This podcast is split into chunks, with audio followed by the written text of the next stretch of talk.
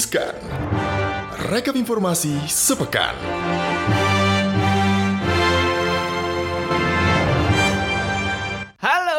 Sobat Cuan, apa kabar? Udah Apa hari kabar? Jumat lagi Mm, udah tanggal 25, selamat gajian kalau yang gajian tanggal 25, selamat menanti kalau yang gajiannya tanggal 28. Atau tanggal 30 akhir bulan Atau mungkin bulan depan Eh, Ada atau kalau juga yang masih belum gajian ya karena masih nyari kantor baru gitu ya, pekerjaan baru kita doain supaya bisa mendapatkan pekerjaan baru. Amin ya robbal alamin so, Semangat terus ya Sobat Semangat Cuan terus meskipun gitu ya kita tahu kondisinya ini tidak eh, baik gitu ya, Betul. tidak terlalu baik Mhm. di Indonesia ini kondisi ekonomi dan juga kondisi sosial kesehatan kita gitu. Tapi kita tetap harus optimis. Harus kudu wajib Walaupun kita sudah fix resesi sebenarnya ya Jadi kata Bu Sri Mulyani Ini menjadi salah satu sorotan Dan paling banyak diklik di cnbcindonesia.com Fix nih Indonesia resesi menurut Ibu Sri Mulyani dan ekonomi kuartal ketiga kita juga negatif.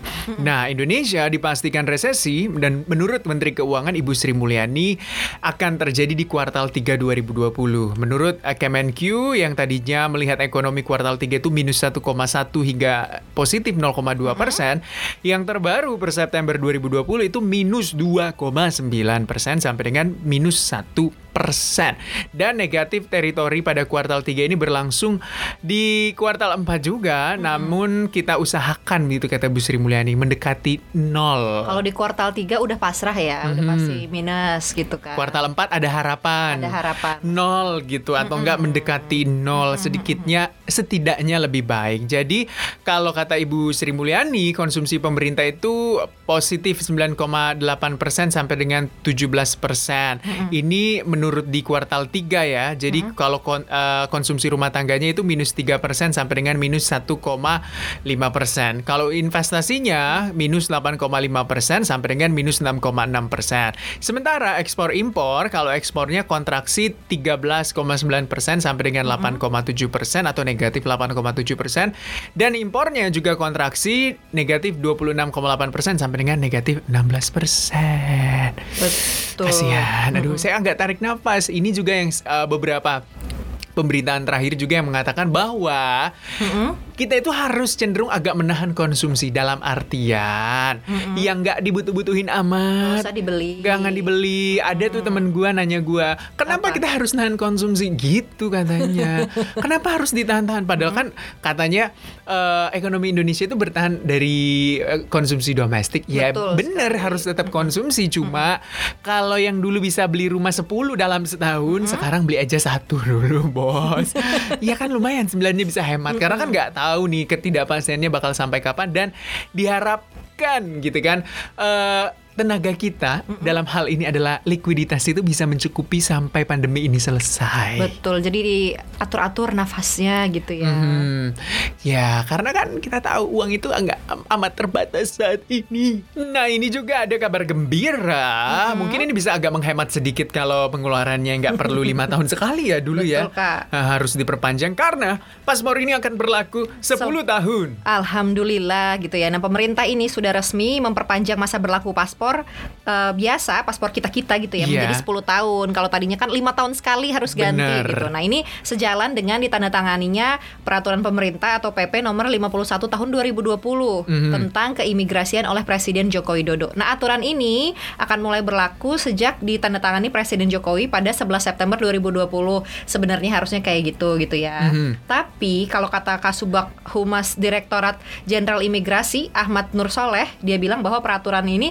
belum berlaku gitu masih belum instantly gitu ya karena masih nunggu peraturan pelaksanaannya termasuk mengenai penyesuaian besaran tarif penerimaan negara bukan pajak atau PNBP gitu. Oke. Nah, tujuannya apa sih kok diperpanjang 10 tahun gitu Iya, ya? apa sebenarnya? Karena gini Kak, selama ini dievaluasi gitu ya sama Dirjen Imigrasi gitu. Kalau ternyata eh, paspor itu kalau lima tahun sekali masih banyak kosongnya. Iya. Jadi Males mubazir. orang sebenarnya pergi-pergi apalagi zaman corona gini ya. Eh, Jadi harapannya kalau 10 tahun gitu Mhm. ya, itu bisa keisi semua gitu baru ganti. Eh, kayak buku ini Buku apa? Amalia Ramadan kalau lagi gua puasa dulu SD gitu kan. Eh, gitu. Ini lumayan lah ya, efektif dan juga membantu sih menurut gue. Jadi kita nggak perlu lima tahun sekali Betul. eh, pusing-pusing. gitu. Sekaligus nggak perlu pusing itu antri terus Uh-uh. berhemat duit juga dikeluarin lima tahun sekali. Semoga Sekarang- ini dapat segera berlaku ya. Amin ya rabbal alamin. ah. Ngomong-ngomong soal berlaku, ini juga ini menurut eh, China gitu kan. Ini menurut WHO juga gitu. Kalau vaksin corona ini ditemukan dan Sinovac akan menjual vaksin China ini awal 2021 mendatang. Ah, ah. Jadi produsen vaksin China Sinovac optimistis kalau vaksin COVID-19 CoronaVac ini buatannya akan siap disuntikan dan juga didistribusikan ke warga-warga dunia di awal 2021 termasuk ke Amerika Serikat. Yin Weidong ini CEO Sinovac berjanji untuk mengajukan permohonan izin ke FDA atau Badan Pengawas Obat dan Makanan ala-ala BPOM-nya Indonesia tapi ini di Amerika untuk menjual CoronaVac di Amerika Serikat kalau berhasil melewati uji klinis ketiga dan terakhir pengujian pada manusia gitu. Oke, berarti udah selesai gitu ya mereka ya. Ya optimistisnya seperti itu. Karena saat ini kan ada 24 ribu orang tuh yang berpartisipasi untuk uji klinis dan tentunya uji coba ah, tambahan juga dijadwalkan untuk Bangladesh dan kemungkinan juga akan dilakukan di Chile gitu.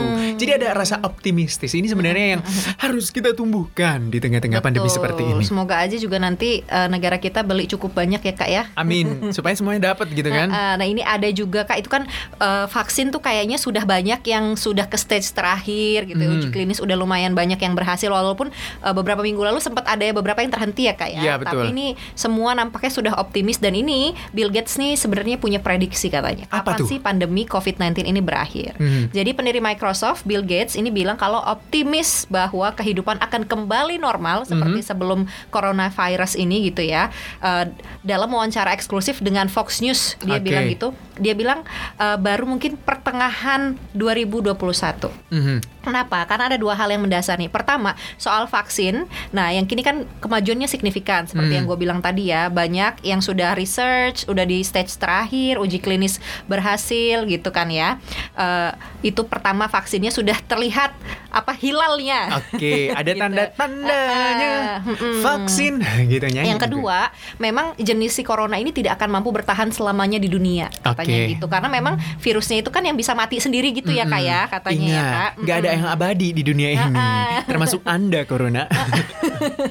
Jadi gitu. Jadi eh, dia bilang kalau misalnya dikalkulasi ini sama Bill Gates kalau persetujuan vaksinnya datang 2021, maka mungkin musim panas tahun depan 2021 gitu ya. Mhm. Itu Amerika Serikat akan mulai normal kembali. Itu kalau di Amerika Serikat. Mhm. Kalau eh, pertengahan musim panas tuh berarti kayak Mei gitu ya, Mei Mhm. Juni gitu tengah summer tahun. summer gitu kan Mm-mm. iya karena makanya juga kita itu harus harus optimistis walaupun kadang kita agak miris juga melihat positif ratesnya di Indonesia itu setiap hari terus bertambah tapi bagi anda yang mendengarkan cuap-cuap cuan harus tetap menjaga protokol kesehatan dan menjaga Betul. kesehatan kesehatan anda menggunakan protokol kesehatan pakai masker deh Betul, hand sanitizer dibawa Iya. ke mana-mana. Gue udah kayak mama dari episode-episode Iya. yang beberapa gitu ya kayak. kita nggak henti-hentinya mengimbau kepada anda semuanya Ah, ah, itu kan tadi eh, prediksi dari Bill Gates gitu ya. Dan Betul. memang konteksnya sih kemungkinan Amerika Serikat karena Mhm. biasanya kan negara-negara yang menemukan vaksin mereka akan lebih mudah mendistribusikan. Betul. Kalau kita, kita- juga kita kan kita juga sudah uji coba juga sedang kan. uji coba juga. Nah, ini juga yang dilakukan karena prediksi terbaru guru besar UGM kapan corona berakhir di RI ini juga dilakukan. Karena pandemi Covid itu kan kita tahu memukul sendi-sendi kehidupan kita. Nah, eh, untuk kembali hidup normal seperti dahulu, ini guru besar statistika Universitas Gajah Mada, ini Profesor Dr. Rernat Dedi Rosa di SSI MSC. Pak Dedi gitu Pak ya. Dedi aja ya. banget gelarnya. Ah, ah, Pak Dedi katanya mencoba memprediksi kapan akan berakhirnya corona di Indonesia. Jadi akhir pandemi ini sangat bergantung pada upaya pemerintah untuk mengendalikan laju penyebaran COVID. Menurutnya berdasarkan tracking data terakhir dan menggunakan berbagai pendekatan permodelan data driven ini berbasis pergerakan data, ini terdapat kenaikan nilai proyeksi kasus positif di akhir pandemi yang cukup signifikan dibanding rilis terakhir di akhir Juli 2020. Katanya prediksi paling optimistis dengan menggunakan model hybrid compartment atau SER regresi runtun waktu diperkirakan pandemi akan berakhir di pertengahan pertengahan Februari 2021 dengan total kasus aktif minimal 322 ribu. Amin ya robbal alamin. Itu prediksinya gitu ya kak Iya. ya. Nah juga dibilang kalau sejumlah catatan penting nih Apa harus. tuh? Ini kan prediksi dengan kalkulasi gitu ya. Tapi Hmm. harus ada catatan. Perlu dilakukan pengendalian penyebaran COVID-19 secara optimal Mhm. dengan mengejarkan 3T. Mhm. Mm-mm, 3T ini apa? Yaitu tracing, testing, dan treatment di Betul. epicentrum epicentrum utama eh, COVID-19 di Indonesia kayak DKI Jakarta, Jawa Barat, Barat, Jawa Timur, Jawa Tengah juga gitu. Jadi di trace nih Mhm. penyebarannya sebesar apa atau sebanyak apa gitu ya. Udah gitu dites juga. Lebih banyak orang dites itu jadi lebih banyak tahu Mhm. gitu kan. Eh, Betul. seberapa banyak juga yang sudah kena dan, Dan- juga treatmentnya. Betul dan juga bagi orang-orang yang mungkin positif gitu ya. Sebaiknya uh, apa namanya kayak uh, jujur gitu kepada orang-orang yang anda sudah temui. Biar tracingnya itu trackingnya juga lebih mudah gitu. Dan kasihan juga kan kalau orang-orang misalnya uh, bertemu dengan orang positif terus nggak jujur gitu. Harus ada kejujuran di antara jangan ada dusta di antara kita. Betul, harus ngasih tahu ya kalaupun terjadi apa-apa sama lo. Karena ini penularannya memang semudah itu. betul. Gitu. Dan daya tahan tubuh juga harus dijaga karena dia juga sebenarnya bisa mati semudah itu. Heeh. kalau sistem imun kita bagus. Baik, makanya rajin minum vitamin. Kalau perlu katanya juga ya berjemur, terus juga tidur yang cukup, nggak usah stres, Betul. makan makanan bergizi, Betul. protokol Olahraga, kesehatan, protokol olahraga, tetap pakai masker, Betul. gitu. Jangan lupa ya, nggak usah pakai. Ini kita mengimbau juga sih, jangan pakai masker yang tipis, gitu kan, kayak scuba dan nggak nggak standar untuk melindungi diri Betul. Oh kita. jangan cuma pakai uh, face shield, Bener. harus pakai masker juga karena Hmm. face shield tuh katanya gue baca artikel ya dari rongga-rongga di kanan kirinya itu bisa Eh paling masuk. penting ke- tahu nggak sih face shield itu dulu di China digunain sebagai apa? Apa? Pelindung orang untuk masak supaya nggak kena cipratan minyak, Oh, cuy. gitu. Coba lihat di apa e-commerce e-commerce dulunya seperti itu. Gue juga baru tahu nggak sebenarnya gitu ya. Gitu. Yang paling penting juga maskernya jangan cuma buat fashion tapi buat kesehatan. Mm, untuk melindungi diri kita dan kesehatan kita Betul. serta orang-orang di lingkungan kita ya sebenarnya masker Betul itu. sekali. Segitu aja dulu sobat cuan. Semoga sobat cuan sehat-sehat terus. Amin. Gibran sehat-sehat terus. Amin. Alin juga sehat-sehat Mm, terus ya. Kita ketemu lagi ya Oke. di minggu depan nanti tetap diriskan rekap informasi sepekan. Bye bye. Bye.